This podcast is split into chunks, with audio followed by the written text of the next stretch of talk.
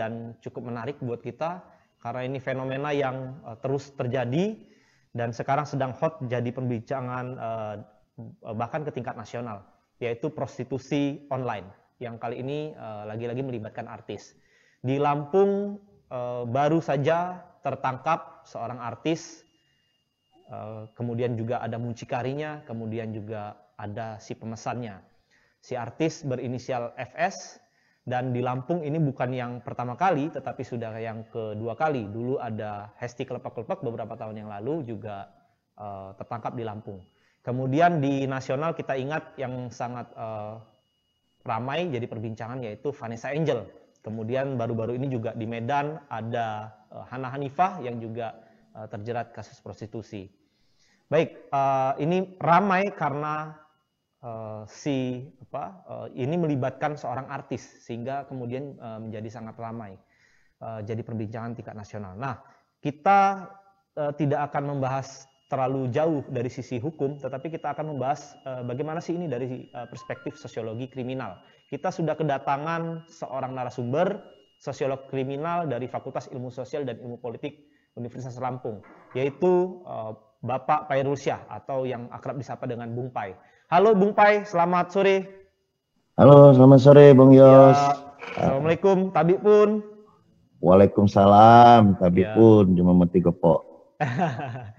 sehat Bung Pai, kabarnya? Alhamdulillah sehat-sehat. Bung Yos sehat juga ya? Sehat, Alhamdulillah Bung. Ya, oke. Okay. Nah Bung Pai, sore ini kita akan bahas dan Bung Pai saya kira juga mengikuti kasus yang sangat ramai ini, yaitu prostitusi uh, yang menjerat uh, artis, kemudian tertangkap juga mucikari dan e, kabar terkini siang tadi mucikarinya dua orang sudah ditetapkan sebagai tersangka. Kemudian e, kalau e, yang memesan itu dilepas, kemudian artisnya masih berstatus sebagai saksi. Nah, e, Bung Pai, kita e, akan bahas dari perspektif sosiologi kriminal sesuai kapasitas Bung Pai. Bung Pai melihat kasus prostitusi e, online ini seperti apa sih Bung? Karena fenomenanya terus terjadi dan entah kapan juga ini berakhir. Silakan Bung Pai. Oke, terima kasih ya. Bung Yos dan ya. semua di benar. Saya ucapkan selamat gabung. Ya. Dalam konteks tentang prostitusi ini sebetulnya sudah lama terjadi ya. karena kehidupan dalam interaksi sosial itu eh, kecenderungan orang saling membutuhkan. Ya. Ini akhirnya maka timbullah eh, hubungan sosial itu. Nah dari kondisi ini kita akan lihat dulu apa itu kriminal. Jadi di ya. dalam konteks sosiologi ini hmm. kriminal itu adalah sikap perilaku orang sehingga hmm. orang lain merasa dirugikan okay. atau merasa tersiksa dan seterusnya. Hmm. Nah, jadi konteks kita sebagai orang sosiolog melihat kejahatan itu eh, lepas batas artinya lebih luas dari hukum positif maupun okay. dari nilai-nilai sosial yang ada. Artinya hmm. dua kontak aturan yang hidup di dalam masyarakat itu hmm. uh, sosiologi akan melihatnya. Nah kembali ke prostitusi itu banyak istilahnya ya. Jadi tergantung wilayahnya atau daerahnya. Ada yang bilang pelacur, ada yang bilang seks komersial, hmm. terus ada yang bilang wanita tuna susila, okay. ada yang bilang lagi lonte, hmm. sundel pramuria, kupu-kupu malam, hmm. jablay dan perek. Nah ini, uh, jadi sebetulnya dalam konteks ini Kenapa sih orang bisa sampai terjadi sebagai pelacur dan atau pekerja seks komersial? Hmm. Nah dari dulu jadi konvensional hmm. itu udah udah terjadi ya. Karena latar belakang orang jadi seorang uh, pekerja seks komersial ini ya. atau perek tadi itu banyak latar belakangnya. Okay. Ya. Ada yang karena didorong karena ekonomi, karena frustasi, hmm. terus karena ada kelainan apa seks ya jadi e, macam-macam itu tekanan yang akhirnya dia melakukan itu tapi hmm. secara sosiologis hmm. orang melakukan itu akibat karena e, agamanya hmm. kurang baik karena banyak orang susah ternyata tidak jadi pelacur hmm. gitu nah kembali kepada saudara kita PS ini inilah kehidupan yang saling membutuhkan ya. hmm. jadi saling ketergantungan nah jadi kalau dibilang eh, pelacur itu melakukan hubungan seks atau hubungan yang suami istri di luar uh, ikatan hukum yang sah dengan latar belakang apa dia nanti sebagai suka sama suka yeah. atau dia nanti sebagai apa selingkuhan dan seterusnya. Hmm. Tapi dalam konsep sosiologi itu tetap disebut pelacur. Oke. Okay. Ini ya. Nah kalau dalam kondisi yang lain, hmm. maka pelacur itu terjadi uh, transaksional. Okay. Ada nilai bayarnya gitu. Hmm. Nah, uh, itu yang di, jadi dalam konteks uh, kehidupan dalam masyarakat ini. Nah hmm. itu tadi semakin modernnya masyarakat kita, maka pola-pola pemasaran jadi saya pernah teliti itu tentang bentuk-bentuk pelacuran. Saya lihat dulu itu ada dua, pelacuran terbuka dan tertutup. Oke. Okay. Jadi belum, ah, uh, ini pernah saya teliti. Kalau yang terbuka itu artinya mereka menjajakan di daerah-daerah, misalnya ada uh, alun-alun, lapangan, okay. atau tempat mall gitu ya. Nah kalau yang tertutup ini, misalnya panti pijit, berkaraoke atau di hotel-hotel gitu. Yeah. Nah ini yang yang saya lihat. Nah kondisi itu yang bisa terjadi. Nah, semakin majunya negara ini dalam yeah. teknologi, akhirnya alat bantu yang seyogyanya akan digunakan untuk perbuatan yang baik, yang benar, hmm. tapi bisa juga dilakukan untuk uh, perbuatan melawan hukum okay. yang seperti tadi pelacur. Nah di daerah Bandar Lampung ini ada perdanya. Hmm. Ini, ya, jadi Bandar Lampung ini luar biasa.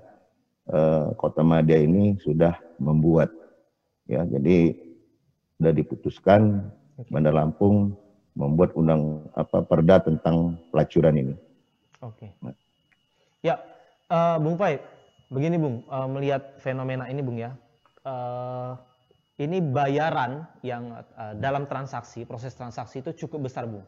Jadi kalau uh, pernah ada pemberitaan berdasarkan penelusuran itu uh, oleh pers, itu bayarannya 100 juta ya, ada yang uh, rate-nya itu sampai 100 juta, kemudian ada yang puluhan juta. Kalau melihat Vanessa Angel waktu itu kan 80 juta, kemudian VS ini diduga 30 juta.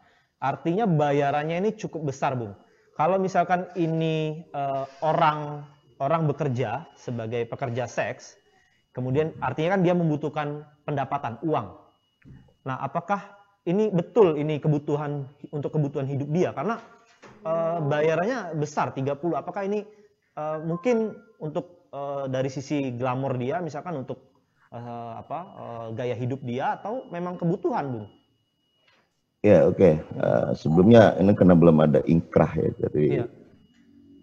Apa hukum penegak hukum, saya hmm. juga belum bisa menyebut itu telah iya. terjadi pelacuran karena saya juga apa harus menghargai hmm. daripada uh, upaya hukum yang dilakukan oleh penegak hukum. Ya. Tapi kalau atas pertanyaan ini, maka kita lihat uh, kita ini kan ada gaya hidup ya. dalam masyarakat tuh ya. Hmm. Nah, semakin tingkat kemampuan ekonomi seseorang itu kebutuhannya ya tergantung pada saat itu. Ya. Nah, mungkin si uh, pemesan ini dia akan ingin merasakan. Ya. ya. Jadi tingkat semakin mahalnya bayaran itu ini semakin mendorong orang ingin merasakan pelayanan seks yang dilakukan okay. oleh uh, pekerja seks ini. Mm -hmm. Karena kayak kita kalau yang biasa itu eh, seratus lima puluh ribu, yeah, sotem, yeah. sejuta gitu kan, cucuk-cucuk kayak selesai udah gitu loh. Nah tapi kalau ini uh, mungkin ada hal-hal yang udah dibentuk dan dengan nilai sebanyak itu dia akan mendapatkan pelayanan yang lebih luar biasa. Misalnya si laki-laki ini tanpa meminum alat uh, kuat, obat kuat, ya, hmm. dia akan dapat pelayanan oleh si pekerja seksnya ini ketika sudah mau orgasme, dia bisa kendorin. Hmm. Gitu loh. Nah ini bukan dengan yang kelas-kelas yang murah-murahan itu. Kalau yang yeah, murah-murahan yeah. itu kan begitu masuk berharap segera selesai karena tamu yang lain udah menunggu. Hmm. Gitu. Hmm. Nah jadi uh, untuk si konsumen, ya. Okay. Nah terus untuk si uh, pekerja seksnya sendiri, hmm secara nominal memang sangat membutuhkan. Inilah kita apa padahal di artis itu kan ada persatuan artis ya. Yeah. Uh, sayangnya organisasi ini uh, bisa mengontrol uh, anggota-anggota organisasinya ini ada satu kegiatan-kegiatan yang mengingatkan agar tidak terjerumus dalam pekerja seks komersial ini. Mm. Karena pada umumnya ini artis tampil itu dengan kemewahan. Okay. Ya, se kalau dulu seniman itu kesannya kayak kita lihat hmm. uh, Mbah Surip, ya, ya. ya. Nah, kalau Mbah Surip ya butuh itu doang. Hmm. Tapi dengan tren sekarang ini perawatan tubuh aja ya mini pedi, pesel, lulur, Mm-mm. Wah itu bisa ngabisin ratusan. Belum lagi nanti pasang benang, yeah, yeah. Uh, terus apa uh, alis, Mm-mm. terus nanti sulam bibir. Mm-mm. Itu semua butuhkan biaya. Okay. Nah soal penampilan artis itu memang nomor satu. Nah, dari mana uang ini? Nah itu tadi bisa timbul akibat perbuatan melarang apa melawan hukum. Kalau kegiatan aktivitas dia mungkin apa dia sebagai penyanyi, model yeah. ya, atau sebagai bintang film ini lagi kosong, ya itu peluang yang lebih nikmat untuk memenuhi kebutuhan. Jadi gaya hidupnya eh, kecenderungan memang harus tampil beda, ya harus wangi, harus ya. cantik dan seterusnya itu. Baik, berarti uh, tadi bung ya gaya hidup semakin tinggi gaya hidup maka kebut uh, apa uh, kebutuhan dia juga uh, kemudian semakin tinggi sehingga dia kemudian uh, lari ke uh, pekerjaan seperti itu. Nah pertanyaannya lagi bung, kan ada banyak pekerjaan ini bung Uh, lagian pula dia uh, artis misalnya. Uh, taruhlah kita bicara yang sebelum-sebelumnya, kalau ini kan masih berjalan kasusnya Vanessa Angel, Hana Hanifa misalkan. Dia artis, dia juga mengendorse, dia juga uh, misalkan menyanyi segala macam. Kan itu juga uh, cukup besar juga penghasilannya. Tet tetapi kenapa kemudian larinya ke situ, Bu? Iya, jadi dalam konteks kehidupan ini kan nilai ekonomis itu nggak bisa diukur Oh, oh. Sudah cukup atau kurang. Okay. Itu ke masing-masing daripada si individunya ya. Mm -hmm. Jadi kayak kita karena dalam konteks ini apalagi dalam Covid ini. Yeah. Kan kesian nih kita nggak bisa melakukan kegiatan apa-apa sementara kebutuhan menuntut mm -hmm. bisa dia mau bayar kartu kredit, bisa yeah. dia mau bayar cicilan apartemennya, bisa dia mau bayar mobil dan seterusnya. Okay. Dan ini yang memang e, mendorong orang untuk melakukan hal-hal seperti itu. Mm-hmm. Tapi dari awal tadi saya katakan, mm-hmm. orang melakukan hal pekerja seks komersial ini karena agamanya tidak kuat. Oke. Okay. Mm. Uh, ini jadi alasan ekonomi banyak orang miskin nggak nggak jadi pekerja seks. Oke. Okay. Ya banyak orang uh, patah hati mm-hmm. punya apa uh, nafsu seksnya tinggi, ada kelainan seks gitu dia mm. sebentar pengen berhubungan gitu, mm. juga nggak tidak melakukan kalau agamanya kuat gitu. Okay. Jadi faktor pergaulan daripada lingkungan itu sangat menentukan. Nah, mungkin hmm. Uh, saudara-saudara kita yang artis ini kan hmm. uh, saling bisa terjadi kompetisi yang yeah. tidak sehat sesama teman gitu, hmm. ingin dapat pujian. Nah, sementara usaha nol. Gitu. Hmm. hmm, hmm. Oke, okay. uh, eh, Bung, kita ingat di beberapa daerah termasuk di Bandar Lampung misalkan uh, dulu ya, uh, ini dilokalisir, Bung. Uh, apa uh, perputaran uangnya maupun lokasi uh, tempat untuk uh, bertransaksi itu dilokalisir bahkan ada istilah lokalisasi. Nah itu kan zaman dulu bung, uh, artinya masih offline. Nah bedanya apa bung? Kalau sekarang kan mungkin memang nggak ada lagi lokalisasi atau apa, tapi kan sebetulnya prakteknya sama seperti dulu. Tapi dulu dilokalisasi dan nggak ada tuh penggerbekan-penggerbekan seperti ini gitu. Silakan bung. Ya, jadi uh, dunia sekarang ini ya mm-hmm. uh, semakin ke apa 98 kemari itu yeah. ada pergeseran sangat-sangat nilai ya yeah. yang hidup dalam masyarakat ya. Mm-hmm. Sehingga hal-hal untuk mengarah ke sana itu peluangnya sangat besar. Okay. Nah, kalau dulu ada di Panjang itu ada mm. pantai, ada ya, betul. di apa bahkan ada di hotel-hotel yang melati, mm-hmm. terus ada pinggir jalan itu ditutup tuh. Yeah. Ya. Nah, keluarlah perda ini. Tapi di tempat alun-alun yang tempat keramaian dan itu masih hmm. bisa terjadi kegiatan hmm. prostitusi itu. Hmm. Nah, dalam kondisi ini, kalau dulu kita itu eh, kehidupan fungsi kontrol sosialnya tinggi, hmm. ya. Nah, dengan konteks sekarang interaksi sosial di rumah tangga itu sangat jarang. Okay. Masing-masing anaknya sibuk dengan kegiatannya, hmm. Orang tua juga sibuk, sehingga fungsi kontrol orang ini keluar. Hmm. Nah, si anak mencari pertemanan baru. Ya. Hmm. Ya. Nah, dalam konteks pertemanan ini e, bentuk-bentuknya macam-macam. Hmm. Ada yang kiat ikut dalam kegiatan yang positif, hmm. ada yang malah e, melakukan kegiatan yang sifatnya melawan hukum. Okay. Ini, jadi dia begitu berteman, dilihat kawannya lu kok HP-nya bagus sih dari mana sih gua, hmm. gua ngiler deh iya lu gua punya motor keren deh Wih, dan lu wangi deh. Sorry ya, gua nggak nggak pakai yang namanya parfum uh, apa isi ulang. Gua mau ori semua. Yeah. Nah akhirnya dengan cerita itu dia tanya, kok lu bisa gini sih? Nah. Lu mau tah? dong ikut gue. Ikut gue itu tanpa terasa dia sudah mulai mindsetnya terganggu ya hmm. dengan janji-janji uang akan datang. Nah mulai dari sinilah dia terjun.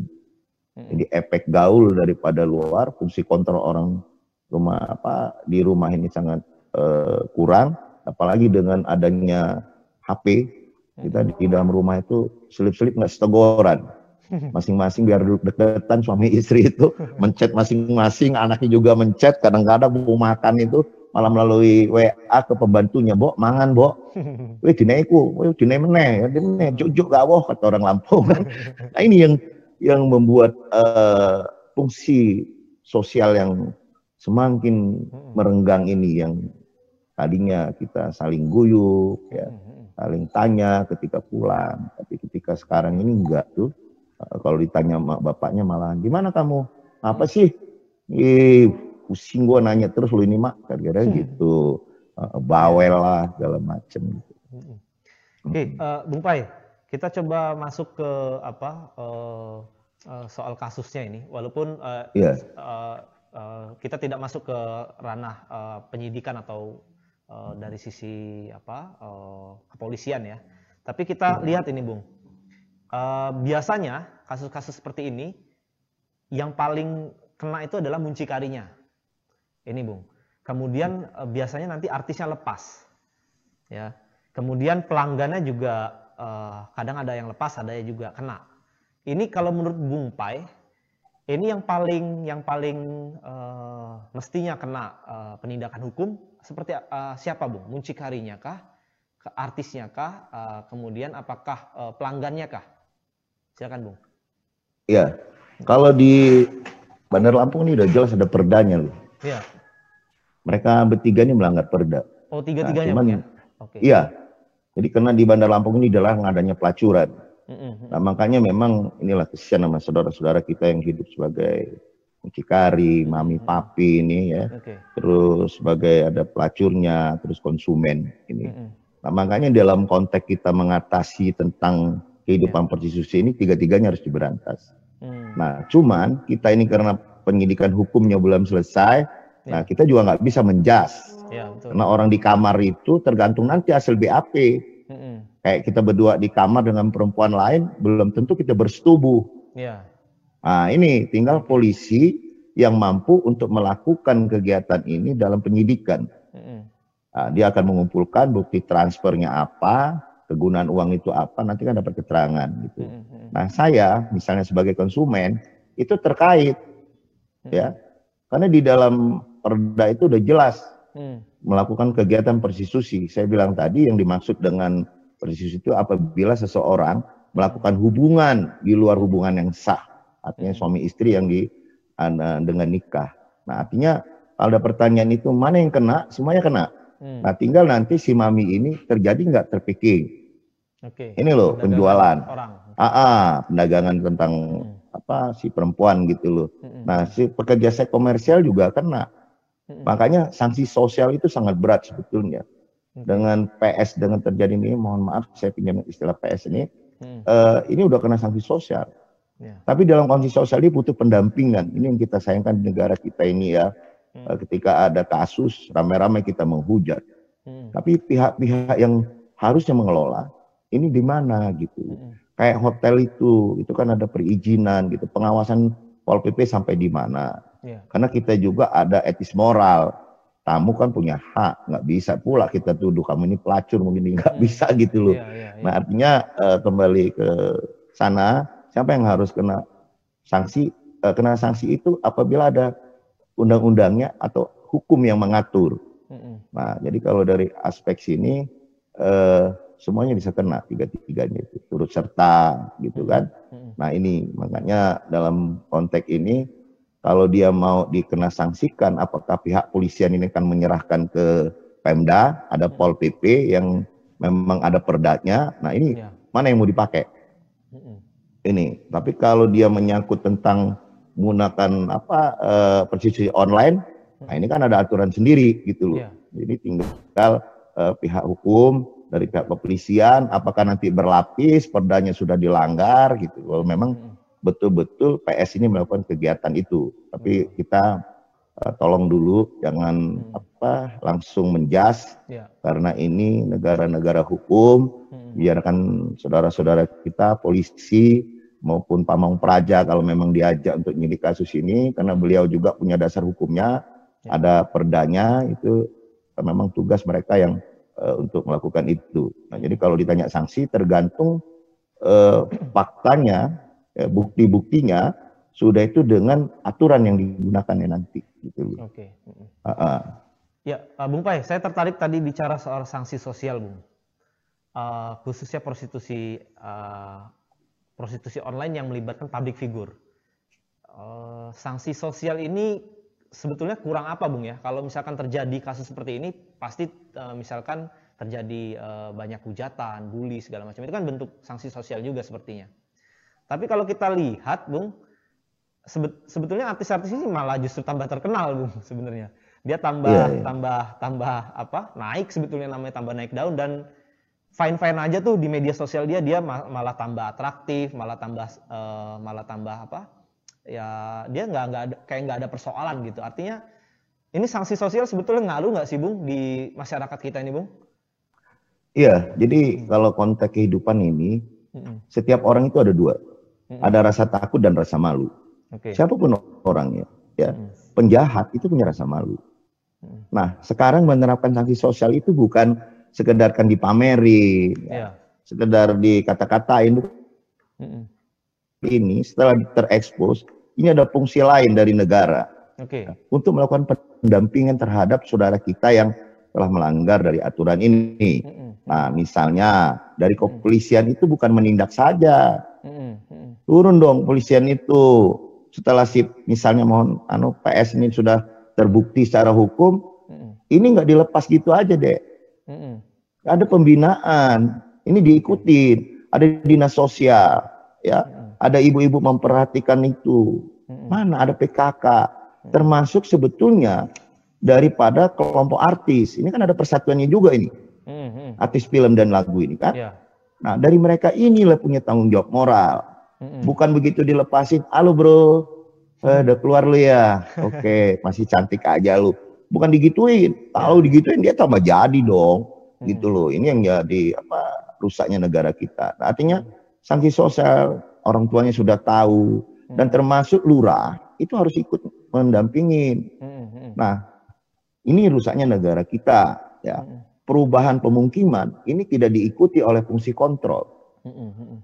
Kayak kita ada uh, perumahan ini real estate itu putus kontak sosialnya. Ya. Kita nggak tahu di dalam itu isinya siapa, apa yang dia lakukan nggak ada. Nah ini loh, maunya dalam konteks ini, padahal kita ada PKK, ya, ada Pol PP, itu bergerak tuh. Pol PP itu bukan ngawasin jalan-jalan aja, termasuk dalam konteks karena itu dapat izin IMB itu kan perumahan. Nah harusnya kegiatan rutin sehari-hari mereka ini jalan. Nah nanti ada lagi kalau dia agama, agama Islam, ada fungsi-fungsi kiai. Dan saya tahu persis mereka pasti malu. Dan mereka akan takut gitu. Cuman asal dalam konteks begitu kasusnya selesai secara hukum, ya. mereka ini tetap dapat pendampingan. Okay. Jangan dilepas gitu aja. Memang banyak kasus-kasus artis kita ini setelah dia lepas dari kondisi kondisi itu dia tidak kesan nggak ada masalah, ya. cuek-cuek malah jadi di TV dan seterusnya ini. Oke. Okay. Iya, sebab begini Bung, kan seorang public figure itu jadi contoh Bung ya. Uh, dia uh, menjadi apa uh, satu rujukan lah ketika misalkan anak-anak remaja melihat dia sebagai public figure kan begitu. Dampaknya kan nanti uh, ke anak-anak dan remaja juga yang melihat dia sebagai public figure. Loh ini yang kena kasus kemarin, tetapi kok dia kayaknya tenang-tenang aja di media sosial dia biasa-biasa aja. Kemudian dia tetap tampil di televisi dan lain sebagainya. Itu Bung. Ya, makanya kita kembali tadi pada saat misalnya diponis dengan pidana, ya, ya terus di dalam pembinaan ini loh di dalam hmm. eh, apa rumah tahanan ini dia harus dapat pendampingan ya, ya, bagaimana nanti dia di luar itu udah disiapkan gitu. Hmm. Nah, kalau dia keluar gini, akhirnya tadi itu hmm. orang akhirnya jadi presiden, hmm. ya. Nah, presiden ini bahaya Walah diajak kayak gitu. Nah. Udah cuek aja lagi gitu loh. Nah ini yang yang kita yeah. apa bangsa dan negara ini betul-betul ikut uh, membantu gitu ya. Karena mohon maaf laki-laki itu suka dengan perempuan itu karena kebanyakan 97% itu kena pisnya cantik gitu loh. Tadinya perempuannya pendiam, yang dasar lakinya bandot, ganggu-ganggu, akhirnya jadi lagi. Gitu. Nah, ya. Artinya uh, dalam konteks ini fungsi sosial di dalam masyarakat ini, elemen-elemen ini kita harus menggunakan struktural fungsional. Nah ini tolong pemerintah dari ada kan ada menteri peranan wanita lah, ada sosial mana ini gitu loh, ya. sampai di titik terakhir di RT gitu ya, sampai di rumah tangga itu. Oke. Itu. Nah Bung dari tadi sepertinya kita agak berat ke uh, bicarain soal uh, apa public figurnya. Ini dari sisi pelanggannya nih Bung. Ini juga ya. terjadi Bung. Uh, artisnya diekspos sebegitu ramai ya kan karena dia public figure mucikarinya dijadikan tersangka, tetapi pelanggannya lepas nih, Bung. Ini ini juga yang kadang-kadang uh, uh, apa ya rasa ketidakadilannya di mana ini gitu. Silakan Bung Pai, melihatnya seperti apa Bung? Iya, jadi si pelanggan ini kan mau diarahkan ke 285 pasalnya apa eh, nggak ya. uh, bisa ada yang nuntut gitu karena dia bayar. Mohon maaf nih kalau analisa kita udah terlalu jauh ya. Iya. Ya. Jadi 285-nya hmm. itu kan pihak si suaminya ini yang harus nuntut si PS. Ya kalau dia udah bersuami. Tapi kalau dia bayar, ya, uh, perzinahan bung ya, pasal perzinahan bung ya. Iya. Si pelanggannya berarti itu. misalkan istrinya bung ya. Uh -uh. Mm -mm. Istrinya bisa nuntut PS. Iya betul. Uh -uh. Ini tapi kan bayar nih. Mm -mm. Nah ketika bayar transaksional itu, yeah. maka si uh, pelaku ini ya dia harusnya kan dilarang dengan perda itu. Mm -mm. Nah mungkin dia ini bukan dilepas kali ya Ya. Mungkin karena dia ini nanti apa eh, tahanan luar. Kita kan nggak tahu nih. Mm-mm. Bisa aja nanti dia dipanggil lagi oleh pihak kepolisian karena ya. sudah ada yang ngejamin. Kita kan belum tahu apakah pengacaranya okay. akan menghadirkan satu saat akan dibutuh, diminta keterangan dia akan hadir. Ini, tapi dalam pengertian dilepaskan mungkin ya kayaknya kita belum dengar itu dalam pengertian dilepas dalam artian apa ya. gitu, bebas itu. Artinya celah di si pengguna uh, atau pelanggan itu di celah pasal perzinahan. Misalkan istrinya melaporkan dia karena dia telah berzinah gitu bung ya. Atau uh, ya. uh, sebaliknya misalkan dari uh, si pendam apa uh, pendamping hidupnya VS misalnya kalau dia sudah bersuami misalkan begitu bung ya Iya iya. Nah, ini ini orang hukum ini yang bakal ngeliat ya. 285-nya. Ya. Tapi dalam Atau tadi Bung ya, perda melalui perda tadi Bung ya. Iya, jadi di Lampung, di Bandar Lampung nih hebat ini Pak Walinya itu untuk buat perda dia. Jadi, nah cuman perdanya ya, ya. mohon itu petugas dikontrol lah. Kok masih banyak juga uh, kayak orang-orang yang masih berkeliaran gitu ya, ya. sebagai pelacur. Oke. Nah, Bung, kita uh, soal public figurnya sudah, pelanggannya sudah, mucikarinya, Bung. Kita bicara soal mucikarinya. Ini kalau yeah, menurut Bung Pai, muncikari ini praktek yang memang uh, perorangan atau memang dia ada sindikat-sindikat tertentu atau seperti apa, Bung? Ya, jadi waktu saya meneliti di tentang bentuk-bentuk pelacuran ya. ya. Jadi kita ini ada namanya trans pelacur. Oke. Okay. Ya. Jadi bisa pindah dari suatu pulau ke pulau, provinsi hmm. ke provinsi, daerah ke daerah ini. Ini terjadi nih, ya. Jadi pindah ke sana, nanti karena istilahnya ada barang baru. Ya, ada barang baru nih, gitu loh. Nah, misalnya di ke Lampung. Nah, tapi kalau Lampung ini biasanya dia dari Jawa pergi dulu ke Sulawesi Kalimantan baru okay. masuk ke Palembang dan baru masuk ke Lampung gitu loh. Okay, okay. Nah, ini dalam konteks ini uh, kita ada kerjasama mereka itu antar uh, si papi ini, si mami uh, dalam bentuk memindahkan ini. Nah, namun ada juga individual, ya, karena uh, ada kan hal ini apalagi yang kayak gini nggak bisa sembarangan juga orang harus hati-hati hmm. takut tercium oleh uh, aparat gitu ya, ya. Nah, jadi ada model memang mereka itu merupakan uh, go publik ya bareng-barengan hmm. si hmm. mucikari ya. uh, ada juga yang sendiri-sendiri gitu loh hmm. hmm, hmm uh, oke okay, berarti sebetulnya ini PR uh, aparat penegak hukumnya di situ bung ya membongkar uh, sindikat mucikari baik yang itu prostitusi online dengan dengan uh, apa orang-orang biasa maupun public figure. Di situ mungkin Bung. Stressingnya di situ. Iya, hmm. betul. Jadi sebetulnya ya kayak pihak polisian kita kan canggih juga sih. Hmm. Ada alat siber itu loh. Ya. Kalau memang itu mau diburu, mau dicegah itu bisa kok. Hmm. Nah makanya saya juga menghimbau nih ketua apa artis-artis Indonesia ini hmm. coba sih eh, anggota-anggotanya itu diajak apa kumpul dalam kegiatan apa yang lebih yeah. nyaman gitu loh. Hmm. Karena kita ini kan uh, sebagai eksekutif muda ini kan selalu ingin mencari hal-hal yang baru gitu yeah. loh. Hal-hal yang unik gitu loh. Nah, ini mungkin ada yang orang hobinya beli kendaraan. Hmm. Ada yang juga hobinya tadi itu cari pelacur-pelacur itu nih gue banyak deh. Apa sih rasanya yeah, lo orang itu yang selama ini di rumah ini kayak gini terus gitu loh kau cari dulu yang apa kondisi yang lebih seru gitu loh. Mm -hmm. uh, Oke. Okay. Nah, Bung, uh, ini kita masuk di penghujung, Bung.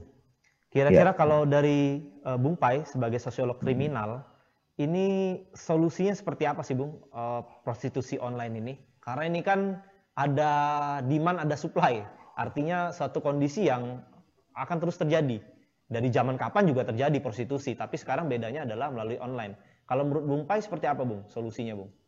Ya, jadi hmm. eh, semakin alat yang teknologi yang lebih canggih ini ya, ya, semakin nyaman menawarkannya, tidak butuh dengan biaya tinggi hmm. atau iklan-iklan segala macam. Hmm. Nah dari sini ya, apa pun kita lakukan pencegahan hmm. itu tadi eh, kita minta dibangun ya masa ya. kehidupan hidupnya masyarakat Indonesia ini. Ya. Okay. Dulu kita sangat peduli loh. Keluar maghrib aja ada tatanan hmm. sosial bilang ojo metu engko enek hantu kata orang yeah. Jawa.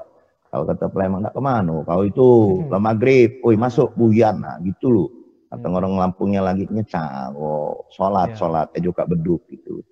Nah, aktivitas yang banyak di luar ini dengan konsep dengan apa online ini, hmm. ini yang harus uh, ada khusus dari bidang penataan ini ya. Hmm. Misalnya polisi yang punya alat itu bisa mendeteksi tentang ini, hmm. dia langsung mengajak pada apa eh, kantor dinas sosial ya hmm. untuk bisa membina ini dari dinas kesehatan, dari misalnya kalau di Lampung ada pelanggaran perda itu pol pp-nya yang harus hmm. siap. Nah sekali lagi masalah eh, pelacuran online ini eh, bisa dicegah ya. Satu tadi kita harus dari kondisi kehidupan organisasi ini betul-betul peduli. Mm-hmm. Ya, kita kan banyak yang nggak peduli nih. Akhirnya simpang siur terjadi terus. Gitu, pelanggaran-pelanggaran hukum yang ada ini. Nah, jadi kita harapkan juga dari penegak hukum gitu ya. Kita memang punya alat itu ya langsung aja dimonitor.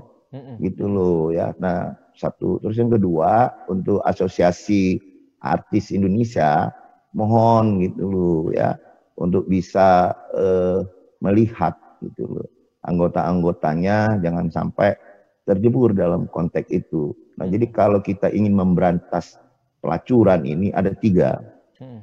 mucikari, terus si pelacurnya dan konsumen. Hmm. Ini harus digulung semua. Contoh kayak warung. Kalau warung itu nggak ada yang beli itu nggak laku tuh, ya udah tutup. Hmm, ini ya. Jadi kalau kita menutup pelacuran itu tiga-tiganya ini harus kita selesaikan. Hmm. Jadi ada efek jerak gitu loh. Nah kayak si pengusaha ini inisialnya di itu tuh kan S gitu loh. Hmm. Nah mudah-mudahan dengan tertangkap S ini teman-teman yang lain tuh kapok gitu loh. Hmm. Ayo udahlah sama aja bayar mahal nggak urung ngos-ngosan juga eh gitu-gitu aja gitu loh. Hmm. Nah tapi tolong ini tadi para dari apa penegak hukum, para kiai semua ini Hmm. ikut sama-sama deh uh, ya ini kebetulan aja nih saudara kita yang PS Mucikari ini yang terjerambat itu mungkin masih banyak lain yang masih hmm. belum kena nah inilah tugas kita untuk menyadarkan mereka bersama-sama oke baik uh, Bung Kai Bung Pai mungkin terakhir Bung Pai uh, ya.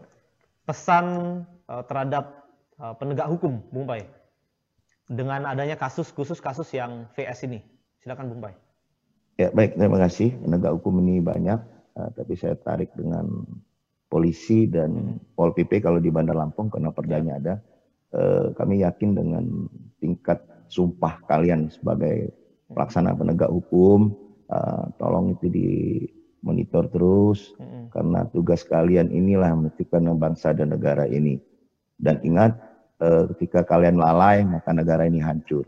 Dan tolong masyarakat juga jangan serah terus ke aparat ketika memang ada di lingkungan kita khususnya yang tentang pelacuran ini segera ikut ya membantu uh, menyadarkan baik dengan secara hubungan ke penegak hukum maupun ke pemerintah uh, nanti toh itu dibina ada dinas sosial yang ada. Ya. Oke itu aja yang bisa saya sampaikan. Uh. Baik, uh, Bung Pai, terima kasih banyak Bung Pai atas perbincangan kita sore ini membahas prostitusi online. Uh, semoga sehat dan lancar aktivitasnya Bung Pai. Selamat sore, Assalamualaikum. Tabik pun Bung Pai. Waalaikumsalam, selamat sore Bung Yos, sukses terus untuk Tribun Siap, dan sama -sama, kriminal hukum khususnya. Baik, pun semuanya. Ya, makasih Bung. Baik, ya, Tribuners, ya, kita ya. sampai di uh, penghujung acara. Uh, kita tadi membahas banyak prostitusi uh, online dari sisi sosiologi kriminal. Kita akan bertemu di acara tindak uh, minggu depan, masih di hari Jumat bersama saya Yoso Mulyawan. Saya pamit undur diri. Wassalamualaikum warahmatullahi wabarakatuh.